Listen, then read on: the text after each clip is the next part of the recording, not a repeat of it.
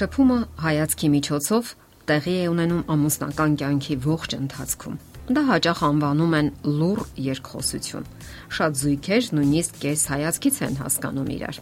Դա արդյունք է տարիների փորձառության։ Ամուսինները տարիների ընթացքում ավելի ու ավելի լավ են ճանաչում միմյանց, նաև արտակնապես։ Հազարավոր մարդկանց մեջ դուք անմիջապես կճանաչեք ձեր կողակցին։ Արդյոք այդպես չէ՞ կճանաչեք թե ձայնից, թե արտաքինից։ Սակայն շատ զույգեր կյանքի ընթացքում կարծես հոգնություն եւ ձանձրույթ են զգում։ Նրանք նույնիսկ չեն հասկանում, թե ինչու է անտարբերությունը այդպես ճնշում իրենց հոգին։ Այո, անտարբերությունը, երբ քայլում եք ձեր ամուսնու հետ, ուսումնասիրում շրջապատը, մարդկանց, մեքենաներն ու պատերը, ամեն ինչ բացի ձեր կողակցից Դուք իսկապես լավ եք ճանաչում այն մարդուն, ում կողքին նստած եք եւ ում հետ քայլում եք ձեր ողջ կյանքի ընթացքում։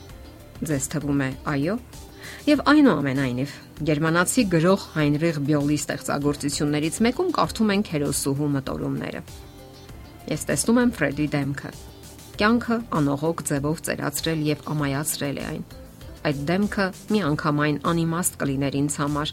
եթե ինձ սեր չներ շնչեր իր հանդեպ։ Ես տեսնում եմ տղամարդու մի դեմք, որին չափազանց վաղ է տիրել անտարբերությունը այն ամենի հանդեպ, ինչը ուրիշ տղամարդիկ որոշել են լուրջ ընդունել։ Ես հաճախ եմ տեսնում նրան իմ մտքերում, շատ հաճախ, իսկ այժմ, երբ նա հեռացել է ինձնից, առավել հաճախ, քան նախկինում։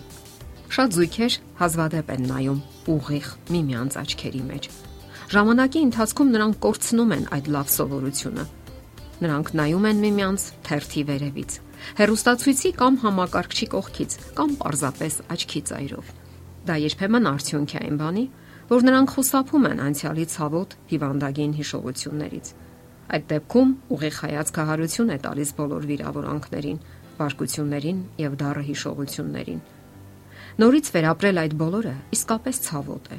Ահա թե ինչու զույգերը հազվադեպ են նայում միմյանց աչքերի մեջ, երբ դժվարությունների են հանդիպում եւ այնուամենայնիվ պետք չէ խուսափել միմյանց աչքերի մեջ նայելուց։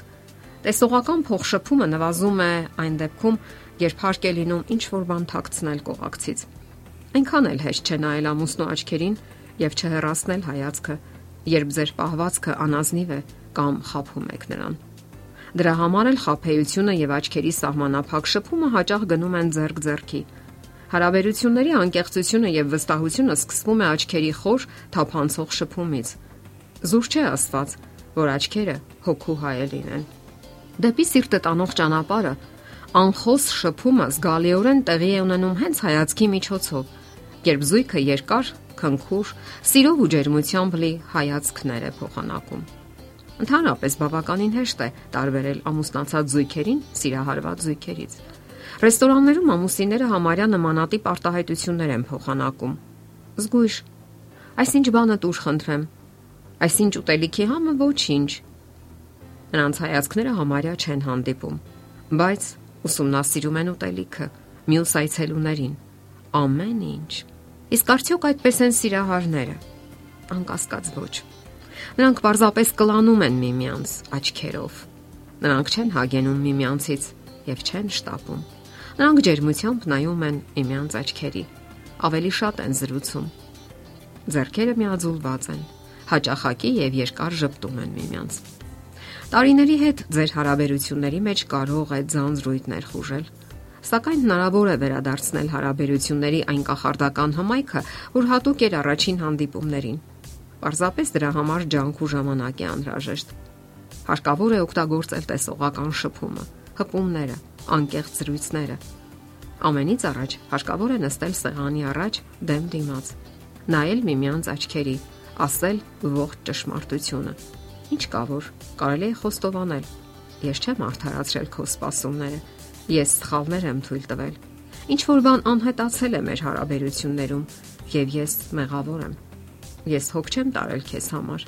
Բավարար չափով ուշադրություն չեմ հատկացրել քեզ բայց ես իսկապես սիրում եմ քեզ եւ ցանկանում եմ փոխել իմ վերաբերմունքը։ Ներողամտություն եմ ակնկալում։ Ես խոստանում եմ, որ շատ բան կփոխվի դեպի լավը։ Դու կարևոր ես ինձ համար։ Բնականաբար, այս ամենը դուք կարող եք ձևակերպել ձեր բարերով, ձեր մտքերով։ Կարևորը վերջախոսությունը չէ, այլ հարաբերությունները փոխելու անկեղծ ցանկությունը։ Բոլոր զույգերը պետք է ամեն օր բավական ժամանակ անցկасնեն միասին։ Ուշադրություն դարձնեն տեսողական շփմանը։ Սա առանձնապես կարևոր է այն զույգերի համար, ովքեր դժվարություն ունեն հարաբերություններում Խախտված հանգույցները կարելի է վերականգնել, եթե զույգը ցանկություն ունի փոքրինչ քայլ անել դեպի վերափոխումը, դեպի անկեղծությունը, ազնվությունը։ Իսկ դա հնարավոր է,